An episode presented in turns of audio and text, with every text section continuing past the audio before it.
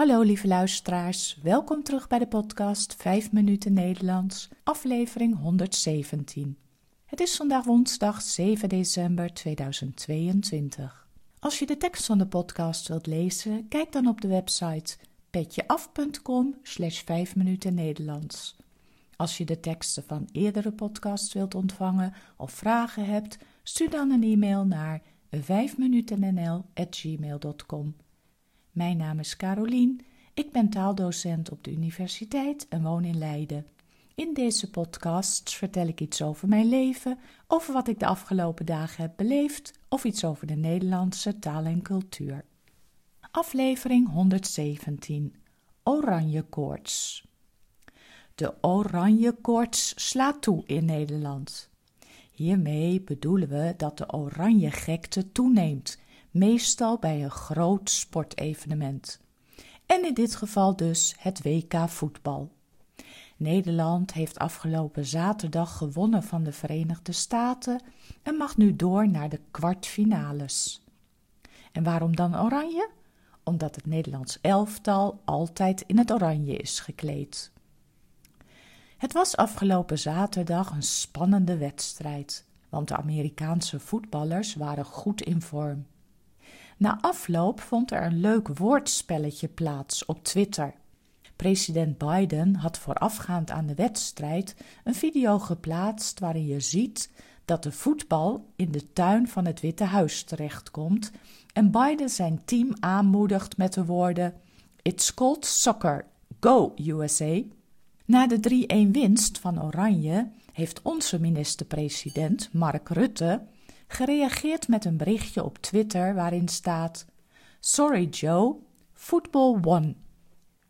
Hierbij verwijst hij naar het verschil tussen Amerikaans en Brits-Engels. Biden heeft hierop inmiddels weer gereageerd met de woorden: Strictly speaking, shouldn't it be football? Dus het Nederlandse woord. En hij feliciteerde het Nederlandse team. Zo zie je maar, taal is altijd interessant en leuk. Onze bondscoach heet Louis van Gaal. Je hebt zijn naam vast wel eens gehoord. Hij is ooit zelf begonnen als voetballer bij Ajax en is nu voor de derde keer bondscoach van het Nederlands elftal. Hij heeft mega veel ervaring, onder andere als trainer bij FC Barcelona, Bayern München en Manchester United. Hij staat bekend om zijn moeilijke relatie met de pers. Hij neemt namelijk geen blad voor de mond. Dat wil zeggen dat hij eerlijk zijn mening geeft, of de ander dat nu leuk vindt of niet.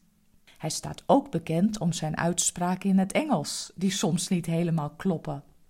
Hij probeert dan een Nederlandse uitdrukking letterlijk in het Engels te vertalen, maar zo werkt het meestal niet. Zomaar een paar voorbeelden. I believe that we can come an end. Hij bedoelt te zeggen ik denk dat we een heel eind kunnen komen. It's always the goals that are counting. Uiteindelijk zijn het de doelpunten die tellen. En dan nog een mooie. The three points are inside. De drie punten zijn binnen. Maar ondanks dit alles blijft hij populair bij de Nederlandse voetbalfans. Komende vrijdag zal het dus in veel huizen en cafés oranje kleuren. Ik ben zelf geen fan, maar nu we in de kwartfinale spelen, ga ik toch wel even kijken. We moeten spelen tegen Argentinië, dus tegen Messi. Dat wordt hopelijk een spannende wedstrijd. Tot slot nog iets grappigs. Zoals jullie weten was ik twee weken geleden in Bordeaux. Tot mijn grote verbazing zag ik in de belangrijkste winkelstraat daar een HEMA. Een heel Nederlandse HEMA met dezelfde spullen die je hier ook kunt kopen bij de HEMA. Maar met één uitzondering. Er was een heel vak gevuld met spullen voor het WK en in Bordeaux lagen daar dus Franse vlaggetjes, borden en servetten.